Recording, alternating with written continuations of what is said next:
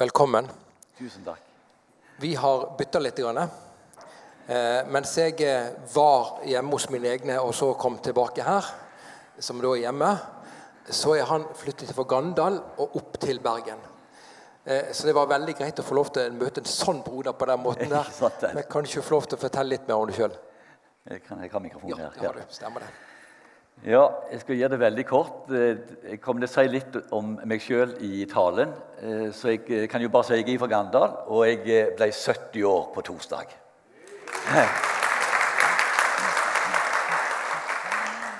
Og jeg har, Salem har alltid vært et navn i vår familie. Far har vært talt her flere ganger, og han har kanskje sunget mer enn han har talt. Så jeg har veldig gode vibber eh, for dette lokalet her og denne forsamlingen. Jeg har vært som tilhører her, men aldri som predikant. Nå skal jeg få lov til å være det òg. Veldig bra. Veldig kjekt å ha deg her. Og så har jeg bare lyst til å få lov til å be for deg før eh, Herre Jesus, jeg har lyst til å få lov til å legge frem for deg Jan, Herre Jesus. Herre, du ser det han skal eh, bringe frem for deg. Og Jeg ber Jesus om at du gir han den styrke og kraft som han vil trenge, Jesus, og den visdommen. Og La dette ordet få lov til å være at det kommer fra deg, at det går inn i våre hjerter, Jesus. Ber Herre Jesus om å være med ham. I Jesu navn. Amen. Takk skal du ha.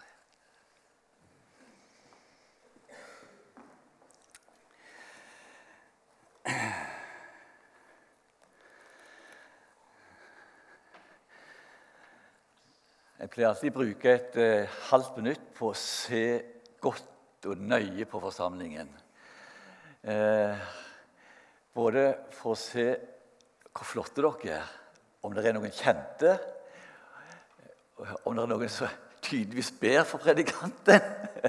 Godt å se dere. Kristoffer Inge han skriver Våren 2020 hadde vi planer om en helg med deg under temaet 'Å gjøre til disipler'. I mellomtida har punktet 'gjøre disipler' kommet inn som ett av sju punkt i Misjonssambandets strategi. Kunne det være aktuelt for deg å komme til Salem en helg høsten 2023 og ta opp troen igjen? Ja, det kunne det. og her er jeg. Med et tema som kunne ha fylt et helt bibelskoleår, og som nå skal dekkes på en 35-40 minutter. Be for meg, hvis dere ikke allerede har gjort det. Det blir en original og litt krevende preik, preiketekst. Men jeg våger meg utpå de 70 000 favners djup. Og vi leser et avsnitt fra Hebreabrevet i slutten, helt i slutten av kapittel 5 og litt inn i kapittel 6. Eh, 5.13, Hebreabrevet 5.13 i Jesu navn. For den som ennå får melk, er ukyndig i rettferdsord. Han er jo et barn. Men fast føde er for de voksne, for dem som ved bruk har øvd sine sanser opp til å skille mellom godt og ondt. La oss derfor gå forbi barnelærdommen om Kristus og gå videre mot det fullkomne, så vi ikke igjen legger grunnvoll med omvendelse fra døde gjerninger og tro på Gud. Vi lærer om dåp og håndspåleggelse, oppstandelse fra de døde og evig dom. Og det vil vi gjøre om Gud tillater det. Amen. Skriv deg Jesus på mitt hjerte, du min konge og min Gud, at deg lyst, deg heller smerte, deg formår å slette ut. Denne innskrift på meg sett, Jesus ifra Nasaret. Den korsfestede min ære og min salighet skal være.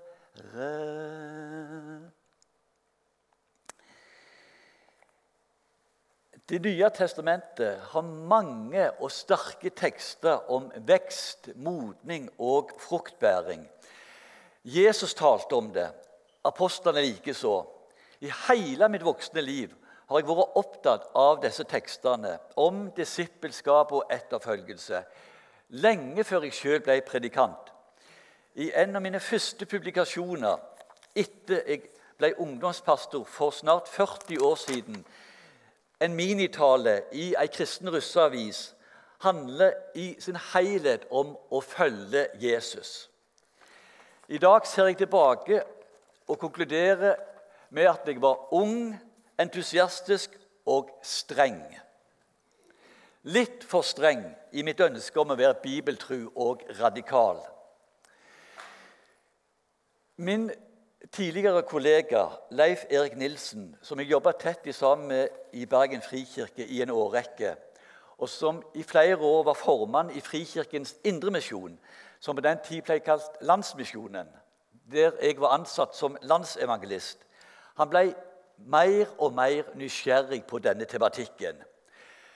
Da han i en periode arbeidet som bibelskolelærer i Oslo og underviste i nytestamentlig teologi ved vårt lutherske bibel- og menighetsseminar, så tok han for seg alle Paulusbrevene i en studie for å finne ut hvor stor prosentdel av apostelens samla undervisning som gikk med til emnet inn til korset. Altså ulike sånn frelsespresentasjoner. Det vi kan kalle for rettferdiggjørelsesforkynnelse.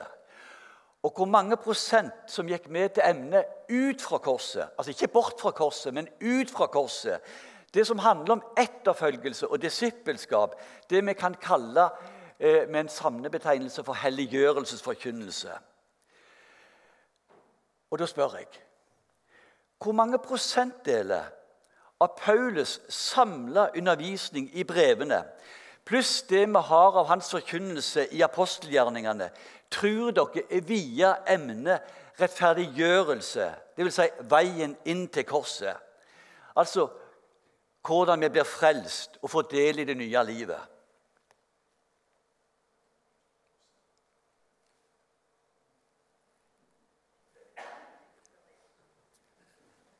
Dere må snakke høyere.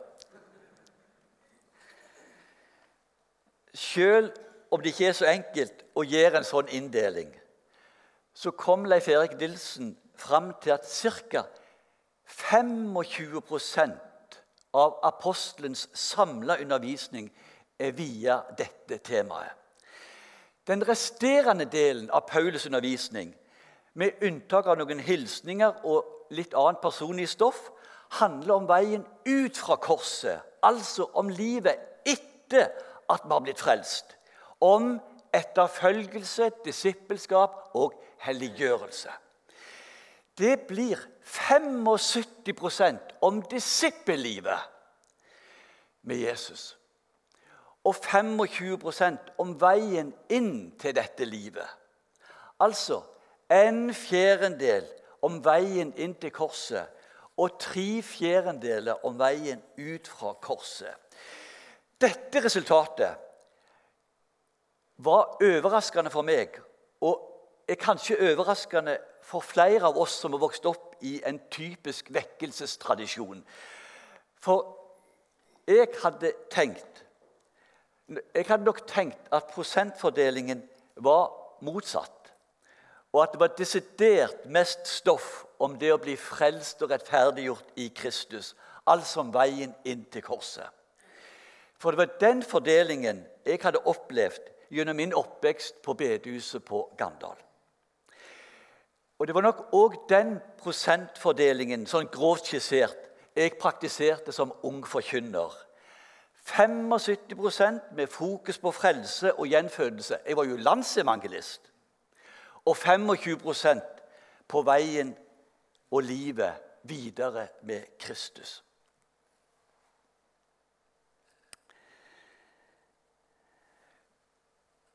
Her kommer et lite bakteppe. Et forhåpentligvis avklarende lite bakteppe før jeg går tettere inn på teksten. Jeg vokste altså opp med kristne foreldre som var aktive på Ebenezer på Gandal. Jeg kunne ikke hatt en bedre barndom og oppvekst.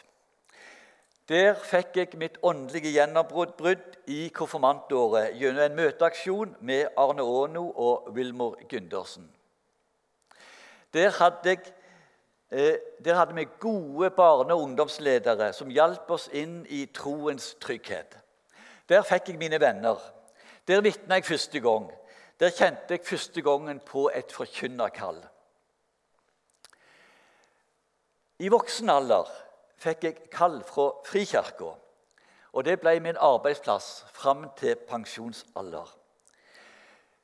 Men Misjonssambandet og Frikirka har historisk veldig mye felles.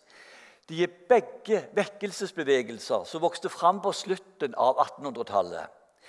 De var begge fra begynnelsen av misjonale i sin profil og hadde spesielt fokus på Kina. De var begge grunnleggende kritiske til de liberale strømningene i Den norske kirke. Og begge var de inspirert av den svenske vekkelsesbevegelsen som vokste fram som et resultat av virksomheten til forkynner og forfatter Carl Olof Rosenius. Og Rosenius var en mester i å male Jesus Kristus som korsfesta for til sine tilhøreres øyne enten han skrev eller talte. Derfor ble det vekkelse der han gikk fram. Derfor ble veien til korset en hovedsak og tyngdepunktet i hans forkynnelse, der fred med Gud ble et av hans yndlingstemaer og tittelen på en av hans bøker, en av hans mest kjente bøker. Derfor ble òg de i Misjonssambandet og i Frikirka og andre sammenhenger som lente seg tungt til Rosenius, inspirert av denne tenkningen. Og det er en rik arv for oss som fikk del i det. Det andre bedehuset på Gandal, Salem, var eid av Indremisjonsselskapet, som i 2001 slo seg sammen med Santalmisjonen og ble til Nordmisjonen. Deres inspirasjonskilde var ikke først og fremst Rosenius, men vår egen Hauge. Denne vekkelsestradisjonen hadde helt fra begynnelsen av et litt annet fokus, siden Hans Nilsen Hauge var så sterkt samfunnsengasjert.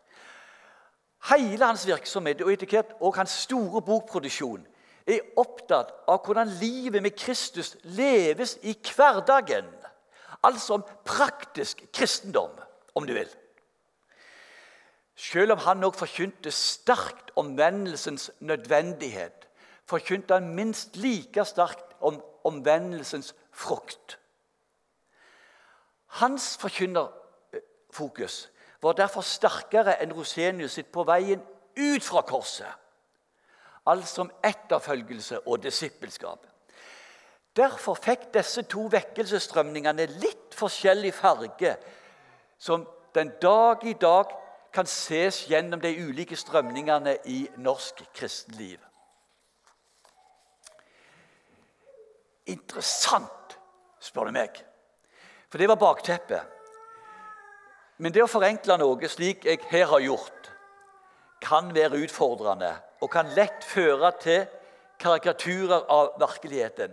Men jeg prøver folkens, jeg prøver å få fram et viktig poeng, nemlig at vi Nemlig at Unnskyld.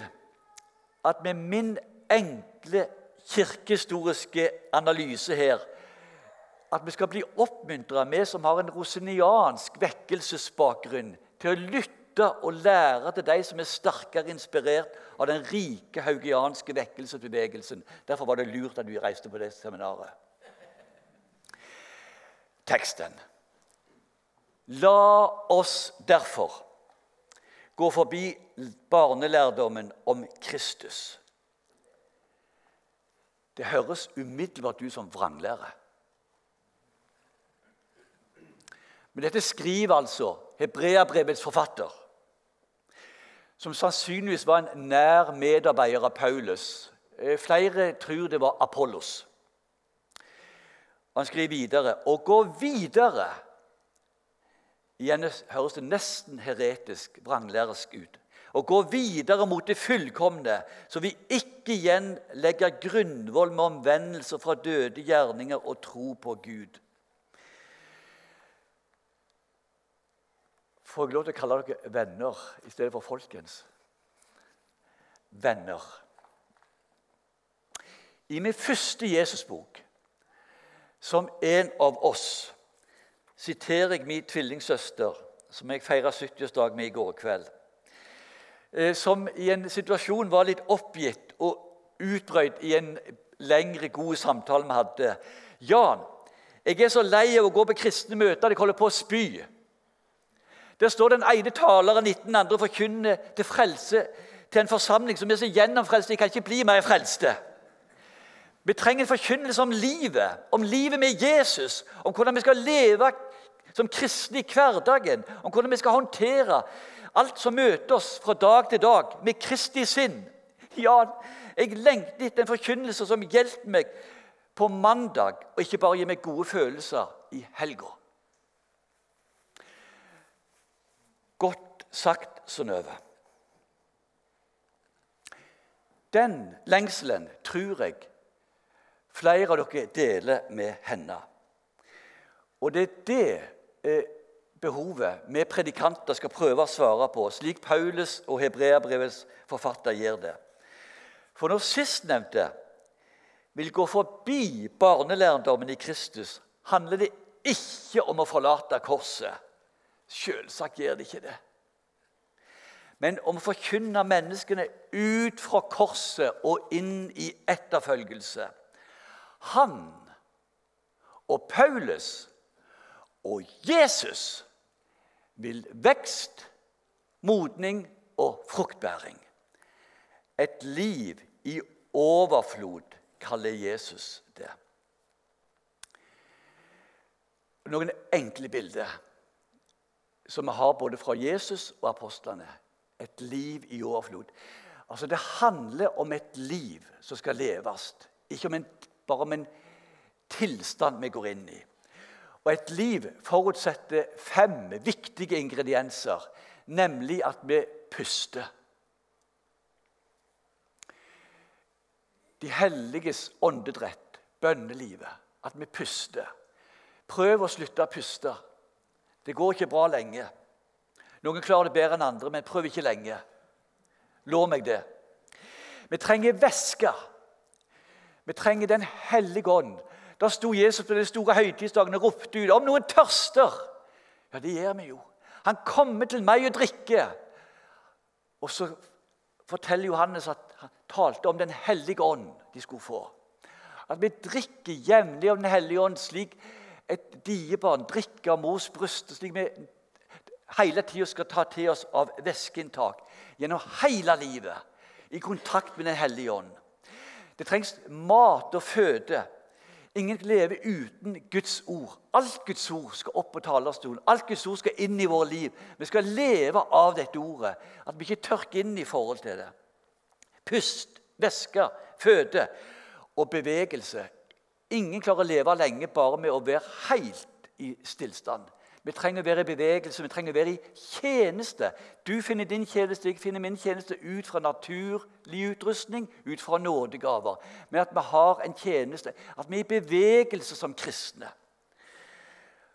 Og så det femte utsondring av avfallsprodukter. Det trengs i det normale livet, og det trengs i det åndelige livet. Jeg skal komme litt tilbake til det litt senere på slutten av talen. Men vi trenger å skille ut avfallsprodukter. Vi trenger å bekjenne synd, leve i oppgjorthet, i renhet, i lyset, for at livet vårt skal utvikle seg. Det var det ene bildet. Et annet bilde som brukes gjennomgående i Guds ord, det er bildet av et løp. Og vi vet hvordan det står til i norsk idrettsliv. Det er noen, altså plutselig får vi masse fantastisk dyktige eh, utøvere på de ulike arenaer, sommer som, som vinter. Eh, ikke langt herifra er det Ingebretsen-brødrene som, som herjer, og Jakob mest. Men for et regime det har vært. Noen vil si det har vært for tøft, og det har det kanskje vært òg. Men Du, for ei hard trening som ligger bak de prestasjonene. Når Birgit, når Birgit Skarstad nylig vant i, i roing igjen, så fortelles det at du trener dobbelt så mye som den nest beste utøveren. Og hun har eh, Therese Johaug som sitt eh, forbilde.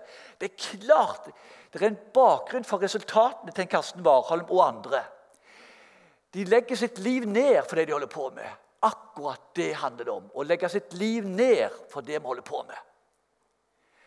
Så det handler som et løp i løpet i. Alle sånne bildene kunne jeg brukt minst en bibeltime på. Jeg må bare rase videre. Et tredje bilde. Det handler det, som er gjennomgående både Jesu liv og apostlene. Det er en kamp vi er i. Det er nesten som en del kristne ikke tenker at det er en kamp. Det bare går så greit. Nei, Vi har en, både en indre borgerkrig kontinuerlig, og det er kamp rundt oss. Og Når Paulus skriver til efeserne i det siste kapittelet, kapittel 6, om å ikle oss den fulle rustningen, så handler det ikke først og fremst om at vi skal forsvare oss. For vi lever ofte så defensivt, og vi bare venter på angrepene. Vi er liksom, altså, vi står bare og, og, og sperrer fienden. Vi venter på slagene skal komme. Det er en helt feil holdning for en troende. Vi skal være de pågående, de aktive, de, de offensive. Vi skal innta nytt land. Og De fleste av de våpnene som, som, som, beskrives, eller i hvert fall en del av dem, er, kamp, altså er angrepsvåpen. Du og jeg må være i forkant. Vi må lære oss å leve preventivt, slik at vi ikke tas av fienden fordi vi ikke er forberedt. Og Jeg har så lyst til å si mer om dette, men jeg bare må springe videre. Klemme igjen.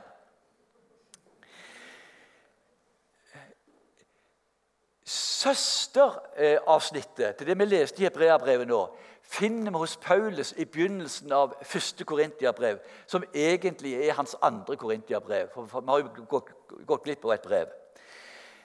Men der skriver Paulus nøyaktig om samme tematikken som Hebreabrevets forfatter. Og i det, tredje, i det andre kapittelet og fra vers 14 så leser vi i Jesu navn. Et sjelelig menneske Og det brukes psykikos. Da skjønner vi han med sjelen. Et sjelelig menneske eh, tar ikke imot det som hører Guds ånd til, for det er en dårskap for ham.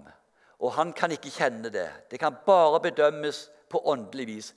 Den åndelige, altså pneumatikos, pneuma, ånd Den åndelige derimot kan dømme om alle ting, men om ham selv kan ingen dømme.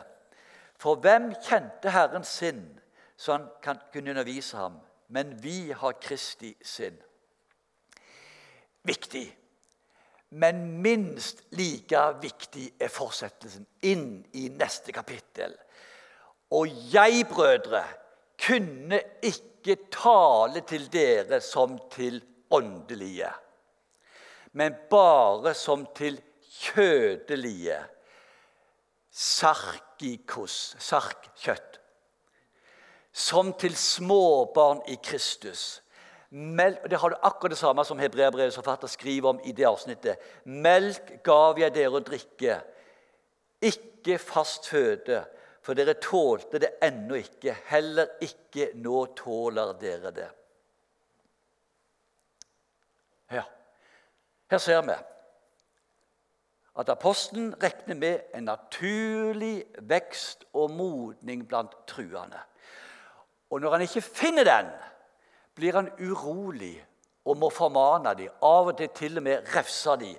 Nøyaktig slik som Jesus gjør når han snakker om tre og fruktbæring.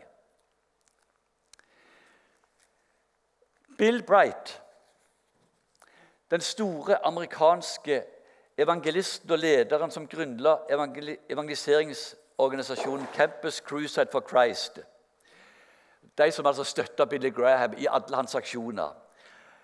Han fikk en strålende idé, a bright idea. Noen som tok den? Der han illustrerte dette avsnittet hos Paulus med en sirkeltegning. Den kan vi få fram nå. En ytre, stor sirkel ramma inn hele vårt liv. En indre sirkel utgjorde sentrum i vår personlighet. Midt i denne sirkelen plasserte Bill Bright en tronstol hvor vi som ugjenfødte satt og regjerte. Vi var altså herrer i eget liv. For å illustrere dette satte han en stor E for ego på tronstolen. Dette var et ugjenfødt, sjelelig menneske. Og Mellom den store og den lille sirkelen fylte han på med en rekke større og mindre sirkler som skulle illustrere det fylte, alt det vi fylte livet med, som familie, jobb, hobbyer, ferier, interesser osv. Og, og så blei Du kan ta neste òg, illustrasjon. Korset er utenfor. Vedkommende er fortsatt ikke frelst. Så blir vi frelst. Så kommer Jesus inn i livet vårt, inn i vårt personlighetssentrum. Dette illustrerte Bill Bright med å plassere et kors der. Men korset fikk ikke plass på tronstolen i første omgang. Kan jeg ta neste illustrasjon? Vi hadde fått Jesus inn som frelser, men ikke som herre. Vi var kjødelige kristne. Han var bare blitt en del av livet vårt, men en viktig del. Og Dette symboliserte Bill Bright på den måten at korset ble plassert Neste illustrasjon som en fotskammel foran tronstolen. Det at Jesus kom inn i våre liv, var helt avgjørende. Men det forandra ikke så mye på de øvrige sirklene. Nesten ingenting. For fortsatt var vi herrer i eget liv. Jesus var frelser, men ikke invitert som herre i våre liv. Men så tegner altså Bill Wright en sirkelutgave der én abdiserte og steg ned fra tronen, og Kristus ble gitt den plassen. og Da kan vi ta neste illustrasjon. Vi ble et ånd, modent, åndelig menneske. Og nå viste Bill Bright at forandringene òg begynte å skje i de andre sirklene. Nå ble det begynte det å bli orden på livet. Noen sirkler, som forlystelser, ble mindre mens andre, som kristne samlinger og åndelige øvelser, som bønn og bibellesning, ble større. Noen sirkler måtte ut av livet, som pengespill, festing og hor, mens noen sirkler kom inn, som diakoni, givertjeneste og misjonsengasjement. Dette, venner, er en avklarende illustrasjon på det som apostelen Paulus prøver å forklare, og som òg er vår prekentekst fra Hebreabrevet. Etterfølgelse og disippelskap forutsetter at Jesus er invitert inn både som frelser og herre i våre liv. Det er det hebreabrevets forfatter vil fortelle oss her. At absolutt alle sider av livet berøres av vår tru. Og det er det samme Paulus gjør her i det nevnte Korintiabrevet. Han som så tydelig innleder dette brevet med at han ikke vil vite noe annet iblant de enn Jesus Kristus og ham korsfestet. Han underviser med frimodighet i det samme brevet om menighetsledere og kristen enhet om tvister og rettssak, om ekteskap og skilsmisse, om mannsstøtte og frihet, om forsakelse og måtehold, om refs og, og, kirketukt, om de gode ordningene i Guds menighet, om nådegaver, kall og tjeneste, om givertjeneste diakoni. Han underviser om masse annet enn Jesus Kristus og han korsfestet. Det vil si, det er det han forkynner. Altså ut fra korset. Forankring i korset. Nemlig å bli både rettferdiggjort og rettferd. Både rettferdiggjort og helliggjort. Hadde jeg vært i en annen forsamling nå, så hadde jeg kanskje våget å sagt halleluja.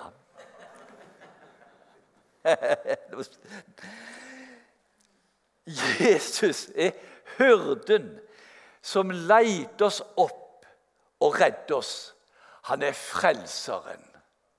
Han er frelseren. Men han er òg hyrden som samler oss og tar oss med videre i sitt følge som Herre. Og Hvis du tror jeg ikke kommer i mål, så kommer jeg i mål. Det nærmer seg. Jeg svingte nå ut på oppløpssida, jf. Eh, eh, friidrett. Eh, og Det er det samme Jesus underviser om i den såkalte misjonsbefalingen. Kanskje ikke så lett å se med en gang, men nå skal vi ta den. Meg er gitt all makt i himmel og på jord. I utgangspunktet. Frelsesverket, altså.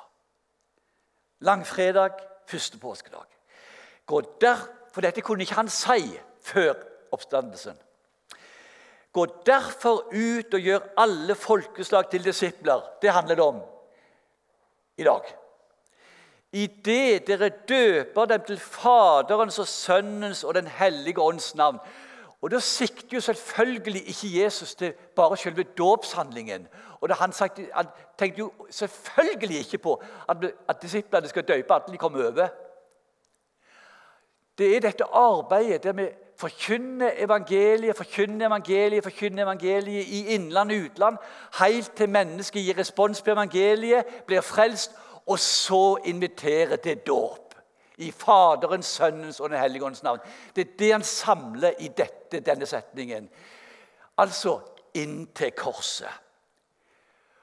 Og lære dem å holde alt jeg har befalt dere. Det er den andre halvdelen. Ut fra korset. Ikke bort fra korset, men oppstandelseslivet. Livet med Kristus. Og se, jeg er med dere alle dager inn til verdens ende. Kom på slutten av Jesu liv. Men døperen Johannes sa akkurat det samme i begynnelsen av Jesu liv. Se der Guds lam som bærer verdens synd. Syndebæreren. Han som leder oss inn til korset. Og Så sier han i neste omgang eh, Men jeg kjente ham ikke. Men han som sa til meg eh, men han sa til meg, Det er han som døper med Den hellige ånd. Det er den andre halvparten. Han skal gi oss det nye livet, gi oss ånden, for at vi skal få kraft til å leve det nye livet. Og så hadde jeg hatt så har jeg skrevet opp at vi burde ha snakket om ord som forsakelse, offer og kors. Så vet du at jeg har tenkt det. Men jeg må bare hoppe over det. For jeg skal avslutte med følgende. Jeg, jeg sa jeg ville komme litt tilbake til dette med å skille ut avfallsproduktet med synsbekjennelse. Du skal få enkel regler. Forkynnelse, forståelse, erkjennelse, bekjennelse, tilgivelse, gjenopprettelse. Forkynnelse, forståelse, erkjennelse, bekjennelse, tilgivelse, gjenopprettelse. Altså, skal du og jeg leve i lyset, bekjenne synder, så må det bli forkynt hva som er synd. Det begynner med forkynnelsen av Guds ord. Jeg har undra meg i alle år som forkynner at det har vært så lite skriftemål i våre sammenhenger. Det har vært til og med vært lite synsbekjennelser synes jeg, i mye av forbundshandlingene. Det har vært mange, mange, behov som skal dekkes, og det er bra, det er viktig. Men jeg har lengta etter flere som bekjenner sine synder på tomannshånd. Og gjerne i skriftemål, slik at de kan få absolusjonen, syndenes forlatelse i Faderens, Sønnens og Helligåndens navn. Jeg har undret meg hva skyldes det. Kanskje det er vi predikanter som ikke har gjort jobben vår. Det begynner med forkynnelse. Og så får vi gjennom forkynnelsen en forståelse av at dette er viktig. Dette hører med til kristenlivet. Og så kommer det ut fra den forståelsen en erkjennelse av at dette gjelder faktisk mitt liv òg. Det er ikke bare alle de andre, men det gjelder jo meg òg. Men det blir ikke tilgivelse av en erkjennelse. Du må komme så langt som David kom. Jeg har syndet og fattes Guds ære. Han bekjente, jeg bekjente min synd for Herren og sa Så kommer syndsbekjennelsen. Først når bekjennelsen kommer, så kan tilgivelsen slå inn. Og Det er mange som tenker kanskje at det er greit at jeg er et syndig menneske, men du bekjenner aldri synd. Det er bare erkjennelse. Det fører ikke til tilgivelse. Forkynnelse, forståelse, erkjennelse, bekjennelse og tilgivelse. Og når tilgivelsen har funnet sted, kan gjenopprettelsen begynne hva tid som helst. Det vil si, Han begynner med en gang. For da gjenopprettes vi skritt for skritt inn i det Kristuslivet som vi skulle, ha levd i. Dette må jo bli en forkynnelse i en annen sammenheng. Men nå må jeg bare si eh, øyeblikket av. Men jeg har lyst til å vise den illustrasjonen, denne kjente tegningen med han som kom med det korset. Kan du, kan, dere fikk den, tror jeg òg. Som går til korset med syndebøren sin. Ja Der føler jeg ofte forkynnelsen i våre sammenhenger stopper. Kaller folk til, til korset, og vi legger der syndebørene, og vi er frelst og tilgitt. Men husker du tegningen fra, fra Nytestamentet til ungdommene på 70-tallet? Det er enda en del av den tegningen. Vær så god, neste. Sånn ser han ut. Vi skal reise oss i oppstandelsens kraft og gå videre. Og jeg tenker kanskje vi kan gå enda litt mer oppreist. Neste bilde. Og løfte en, en, en takketone til Herren. Og Da vil jeg bare avslutte med å si med Jesus vil jeg fara på livsens ferd i lag. Gud la den samferd vara alt til min døyan dag. Det er mi høgste ære, det er mi største ros. Hans fyljesvein å være og vandre i hans ljos. Min Jesus, sanningsstjerne, lys opp min mørke veg. Mitt hjerte vil så gjerne få fylja etter deg. Du lyser enn i væri, som før fra Betlehem. Vær du mitt ljos på ferri, til heim med deg jeg kjem. Og så siste verset. Du til de grein meg sette, alt i min første vår. Med livsens dog meg vette, gav sol og signa år. Du vil og vokster gjeva, alt til min siste slutt. Lat meg i deg få leva, i deg få anda ut.